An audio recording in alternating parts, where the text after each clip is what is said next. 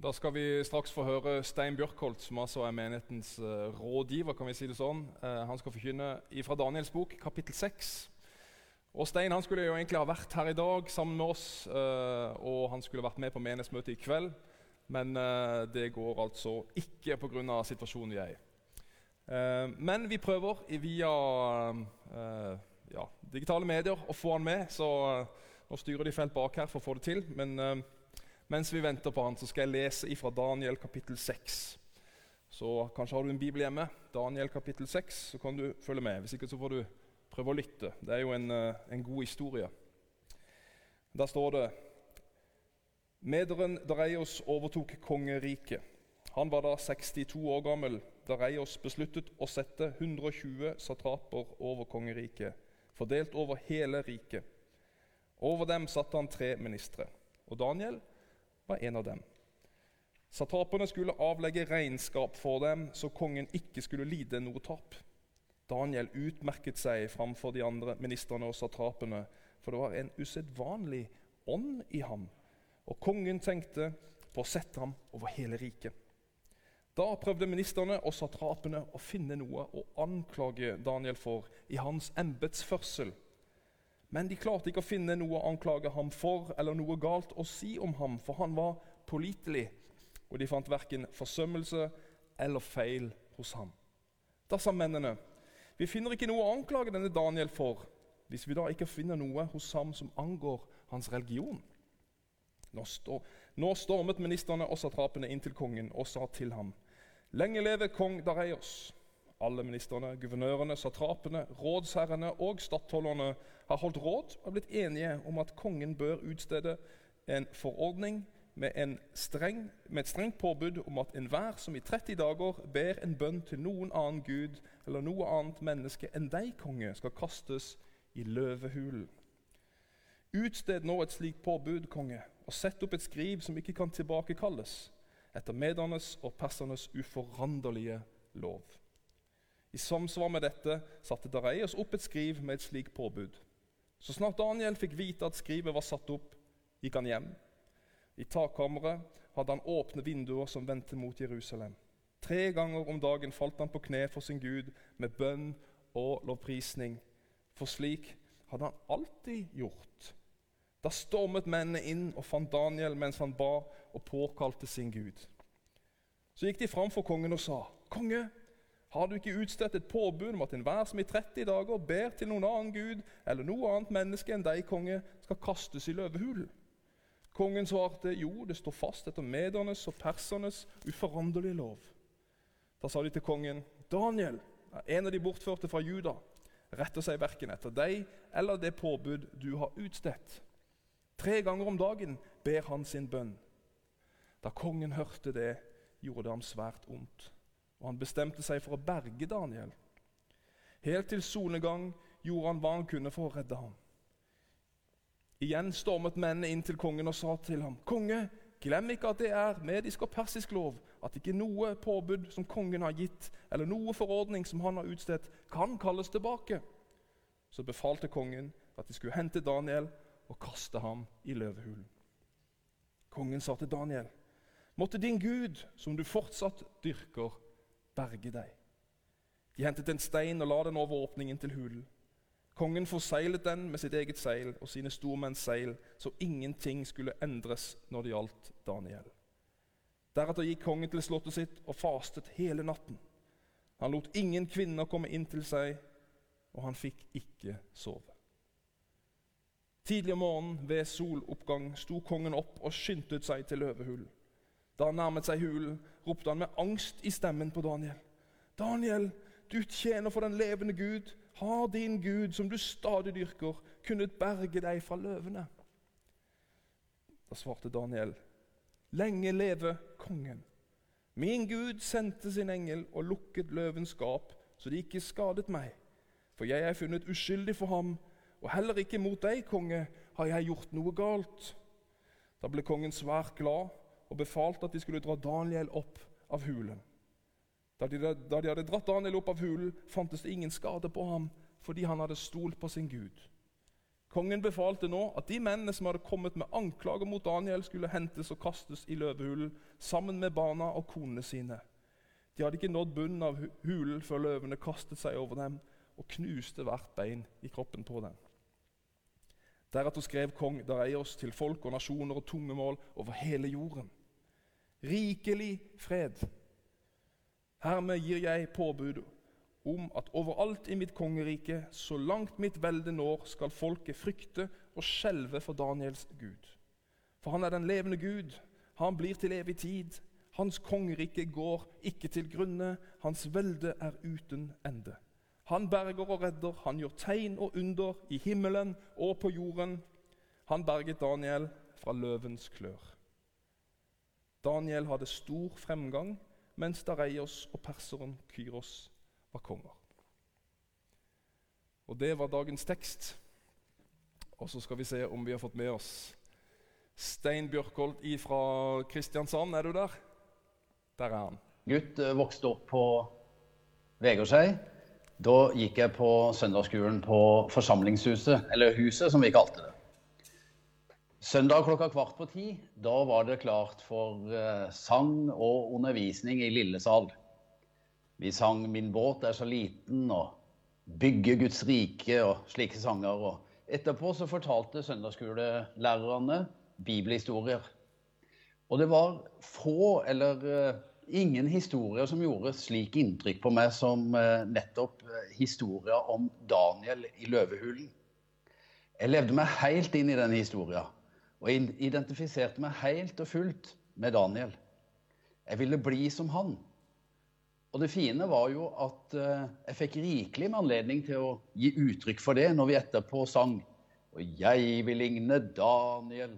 Og så svarte jentene da med sine stemmer. Og jeg vil ligne Ruth. Nå vet jeg ikke om uh, et slikt søndagsskoleopplegg er helt innafor i dag. Og jeg vet heller ikke om, det, om jeg har like lett for å identifisere meg med Daniel lenger. Iallfall ikke på den måten jeg gjorde det den gangen. Eller slik historier om han ofte blir framstilt. Muligens trodde jeg da jeg var liten at slik Daniel var, slik kunne jeg òg være. Men nå har jeg levd noen år, og jeg spør hvem av oss er egentlig slik? Det er ingen av de gutta jeg kjenner, i alle fall, som er slik. Og aller minst meg sjøl. Nei, da er det jo langt enklere å forholde seg til slike bibelske typer som David og Peter. Det var menn som ikke bare lyktes med det de gjorde, men som òg svikta. De var avhengige av nåde og tilgivelse, slik som alle oss andre. Daniel derimot, han var ikke bare skoleflink og pliktoppfyllende i jobben. Han var jo i tillegg vegetarianer og utrolig flink til å be det blir liksom bare for mye av det gode, på en måte. Altså Hans tilsynelatende prektige framtoning og uskyldsrene livsstil, den er ikke helt beskrivende som meg. Og heller er jeg ikke like modig og tøff. Men la oss likevel eh, forsøke å se litt forbi alt dette her, det, det krevende førsteinntrykket, og se om det er noe annet vi finner. For på mange måter når vi leser historier om Daniel i Bibelen, så er det en slags gjenfortelling av historier om Josef, som vi kan lese i eh, Mosebøkene.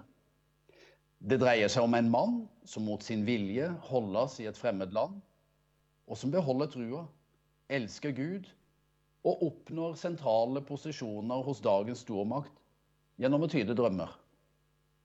Det handler om hvordan troens folk kan overleve ja, til og med har framgang i et fremmed og til tider fiendtlig miljø. Det dreier seg om hvordan de bortførte jødene klarte å beholde sin identitet, til tross for at storsamfunnet stadig satte dem under press og trua med å sluke dem. Hensikten med Daniels bok er å bringe håp til Guds folk og motivere til troskap, sjøl i tider der en lever under press for kulturen rundt. Og dette punktet er relevant.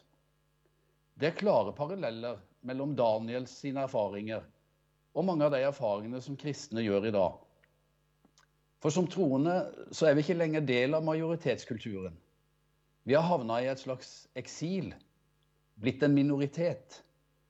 Vår tro og egenhart er under konstant press fra storsamfunnet. Og slik jødene opplevde det den gangen, står vi òg i fare for å bli assimilert, slukt og spist av den rådende sekulære kulturen. Og hva mener jeg med det? Den rådende sekulære kulturen. Jo, med det så mener jeg den kulturen som har oppstått i Norge og i flere andre vestlige land, som tradisjonelt har vært under kristen innflytelse, men som i større og større grad har løsrevet seg fra det religiøse. Det har skjedd politisk gjennom å skille stat og kirke. Men det har òg skjedd sosialt og samfunnsmessig ved at religiøs tro og praksis har avtatt i befolkningen. Dvs. Si at færre og færre gir uttrykk for tro. Og sist, men ikke minst, har vi sett en endring av sjøle kulturen. En endring som ikke bare kjennetegnes av at trua privatiseres, men at det blir mer og mer krevende både å uttrykke og beholde sin tru. Det er fortsatt et fritt valg å ville tru, men det ses i mindre og mindre grad på som et fornuftig og intelligent valg. Den rådende stemmen i samfunnet oppmuntrer ikke lenger folk til å tro, snarere tvert om. Det er dette sosiologen Charles Taylor kaller for den selvforsynte humanismens tidsalder, der programerklæringen lyder vi klarer oss best uten Gud. la oss gå tilbake til Daniels bok, bibelteksten. Den starter med at, eh, Daniels bok starter med at Daniel og vennene hans blir bortført fra Jerusalem. Og Daniel var da rundt 14 år gammel. Når han seinere kastes i løvehula, hadde han antagelig rukket å bli rundt 80 år. Og Det var jo forresten noe de aldri sa på søndagsskolen der jeg gikk.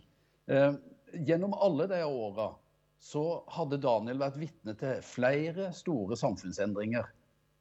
Og med den siste utviklinga på plass, så befant han seg etter hvert i et samfunn ikke helt ulikt det Taylor kaller den sjølforsynte humanismens tidsalder.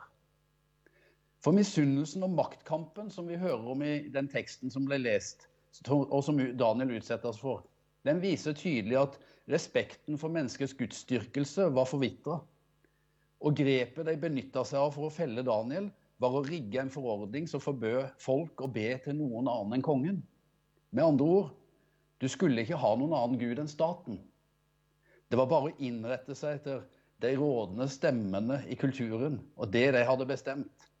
Det er menneskene som tilsynelatende visste hva som var best og etisk høyverdig. Ingen må jo bøye seg for noen annen makt. Det være seg troende ministre som vil be, eller kanskje en lege som nekter å utføre abort. Hva gjorde Daniel da, når han ble utsatt for dette presset? Jo, I vers 11 i kapittel 6 så leser vi så snart Daniel fikk vite at skrivet var satt opp, gikk han hjem. I takkammeret hadde han åpne vinduer åpnet vinduer som vendte mot Jerusalem. Tre ganger om dagen falt han på kne for sin Gud med bønn og lovprisning, for slik hadde han alltid gjort. Jeg har lyst til å si tre ting om det som står i teksten her. For det første dette at eh, Daniel, når han kom under press, likevel valgte å stå for sin tru. Han valgte å stå for sin tru i det offentlige rommet. Han gjorde det ved å be. Ikke i sitt lønnkammer, men i sitt takkammer. Nettopp slik at alle kunne se det. Og han ber med åpne vinduer vendt mot Jerusalem, slik at alle òg kunne se hvilken retning livet hans hadde. Bønnene var på den måten en stille, men djerv protest mot den urett han ble utsatt for. Legg merke til dette at Daniel han nøt i utgangspunktet eh, stor respekt og var svært anerkjent for sitt samfunnsengasjement. Men kanskje nettopp derfor òg ble han satt under et så ekstremt press. Slik tror jeg på mange måter det er i dag. At det større anerkjennelse du nyter i samfunnet, det større vil utfordringene og kostnadene kunne være ved å bekjenne sin tru offentlig. Det andre Daniel gjorde, det var at han rett og slett gjorde som han alltid hadde gjort. Eh, jeg har pleid å si til sønnen min som spiller fotball, at uh, det han ønsker å gjøre i kamp, ja, det må han først gjøre på trening. Han må øve på det. Hva var den naturlige reaksjonen til Daniel når han ble satt under press? Jo, han søkte Gud. Dette at Daniel ba tre ganger om dagen, det var ikke fordi det var en eller annen slags religiøs plikt. For det var ingen jødisk tradisjon på den tida som, som sa at en måtte det. Det var sjølvalgt. Og jeg tror Daniel hadde valgt denne vanen nettopp fordi han forsto at om han skulle overleve som troende i et fremmed land og en fremmed kultur, så ville det å sette av tid til Gud og egen trosutfoldelse være ekstremt viktig. Han hadde kjent på det ytre presset og tatt en indre avgjørelse om at han ikke ville gi etter. Og Derfor så trente han på det. Tre økter om dagen. Daniels praksis kan sies å være ei tidlig utgave av eh, det vi kaller tidebønn. Både jøder og kristne har senere praktisert dette, noe vi bl.a. ser i Det nye testamentet. Mange historiske kirker har praktisert det. Og i dag så finnes det òg flere frikirkelige miljøer som gjør det. Bl.a. enkelte misjonskirker. Det finnes òg flere og flere vanlige kristne som praktiserer dette i sine hjem eller på sin arbeidsplass. For min del så blir det ofte med den ene andagsstunden om morgenen. Men i perioder så har jeg benytta meg av det som ligner tidebønner der ulike tekster leses i kombinasjon med såkalte morgenbønner og kveldsbønner. Og De siste par åra har jeg med jevne mellomrom benytta ei lita bok som eh, heter Puls, og som vi i Misjonskirka Norge har vært med på å utgi på norsk. Det er ei lita bok som er skrevet av pastoren Peter Scassero, han som er kjent for sin undervisning om emosjonell sunn åndelighet. Eh, den boka legger opp til to lesninger om dagen. Hver økt starter med to minutters stillhet. Deretter leser en en kort bibeltekst samt en liten betraktning. Og etter det så er det spørsmål til å grunne på, før det hele avsluttes med en kort bønn og to nye minutter med stillhet. Det hele tar i underkant av ti minutter. En veldig fin ting å gjøre. Kanskje om morgenen og midt på dagen, eller om morgenen og kvelden, eller finne et par tidspunkt i løpet av dagen til å gjøre akkurat det. For jeg tror at i en tid der trua ikke gir så mye støtte i løpet av dagen og veka, så tror jeg slike vaner vil være av stor betydning. Og i tider der trua kommer under press, tror jeg at ulike åndelige vaner vil være viktigere enn noen gang. Og så Den tredje og siste tingen som jeg har lyst til å nevne om det Daniel gjorde da han kom under press, det var dette at han stolte ene og alene på Gud, og ikke på sine egne evner. Når Daniel i denne historien hevder at han er funnet uskyldig for Gud, så kan ikke det bety at han i seg sjøl var rettferdig. Det var ikke hans livsførsel som gjorde ham fortjent til Guds gunst. Nei, den uttalelsen må forstås i lys av den aktuelle saken han var blitt utsatt for. Årsaken til at han ikke var å klandre, var at han i den aktuelle situasjonen nettopp hadde valgt å lyde Gud mer enn mennesker. Det var ikke fordi han nødvendigvis levde etter visse lover og regler. Nei, det var jo fordi at han levde for og med Gud. Og her er et viktig poeng når det gjelder å oppmuntre til åndelige vaner og øvelser og slike ting.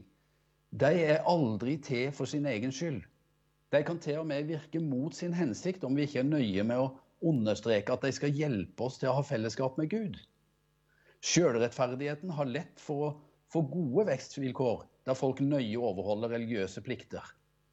Så det er ikke det som er poenget. Det var ikke derfor Daniel ba tre ganger til Gud om dagen. Det var jo ikke en religiøs jødisk plikt. Nei, jeg tror han ba fordi han var helt avhengig av det for å overleve som troende i et trosfiendtlig miljø. At Daniel ikke tenker at han er rettferdig i seg sjøl eller pga. egen livsførsel, får vi mange sterke bevis for seinere i Daniels bok i kapittel 9. Der får vi nærmere innsikt i bønnelivet hans. Og Da kan vi lese at han bekjenner sånne ting som at 'vi har syndet'. Altså Han, gjentar det mer enn fem ganger i det kapittelet. Han sier slik som at 'din er rettferdigheten, Herre, og vår er skammen'. Og han roper om nåde. Og han sier, for det er ikke tillit til våre rettferdige gjerninger at vi kommer fram for ditt ansikt med våre rop om nåde. Det er i tillit til din store barmhjertighet. Og før han mottar de store framtidsvisjonene som utgjør siste del av Daniels bok, så sier han mens jeg ennå talte og ba og bekjente min egen synd. Daniel tenkte ikke om seg sjøl at han var spesielt prektig. Han levde ikke først og fremst etter bestemte standarder, slik en av og til kan få inntrykk av. Moralen i historien er ikke at hvis du er god og stoler på Gud, så vil Gud ta hånd om deg òg. Det er ikke en riktig måte å tolke historien på, sjøl om det er slik kanskje mange har lest den. Altså Hvis du er uskyldig, hvis du er god, da får du ikke så mye som en skramme, liksom. Da vil aldri noe vondt skje med det. Det stemmer ikke med kristen teologi. Bibelen lover ikke det. Um, og det stemmer overhodet ikke med Jesu liv og budskap. Han var jo mer uskyldig enn Daniel, og likevel ble han dømt. Han stolte mer på Gud enn det Daniel gjorde, og likevel ble han såra. De gjorde forferdelige ting med kroppen hans, og de hengte han opp på et kors for å dø. Han ble ikke plassert i ei løvehule, men lagt i en grav, som det er jo dekka til med en stor stein. Så hvis vi tolker historien slik at Gud lar oss unnslippe alt som er vondt, bare vi er gode og prektige, ja, så motsier vi både Jesu budskap og vitnesbyrd om hans liv. Og det stemmer heller ikke med erfaringene som de første kristne gjorde, der bl.a. flere ble spist levende av løver i Romas kolosseum. Altså En slik tolkning av Daniel 6 motsier sjøle kjernen i Bibelens budskap. Denne historien handler ikke om enkle løsninger for oss som tror. Den handler ikke om at det går bra til slutt bare vi er gode nok eller tøffe nok. Nei, for han, fortellinga handler om at du kan sette ditt håp til Gud sjøl i tider der fiendtlige krefter truer med å sluke det. Budskapet er at det fins en Gud i himmelen som alltid følger med sine, og som har lov til å være med oss gjennom alle slags dager, alt slags press og alle slags prøvelser. En som kan lukke løvers munn. En som er der enten vi er i løvens hule, eller en da legges i en grav. Daniels bok er en fortelling som peker fram mot Jesus Kristus og hans evige rike som vil bestå når alle andre rike går til grunne. Den peker fram mot en dag der vi ikke lenger trenger å søke Gud på grunnlag av våre egne rettferdige gjerninger, men på bakgrunn av hans barmhjertighet og nåde. Han er alltid hos deg, og han vil alltid være med deg. La det være et trøstens ord og budskapet denne formiddagen. Amen.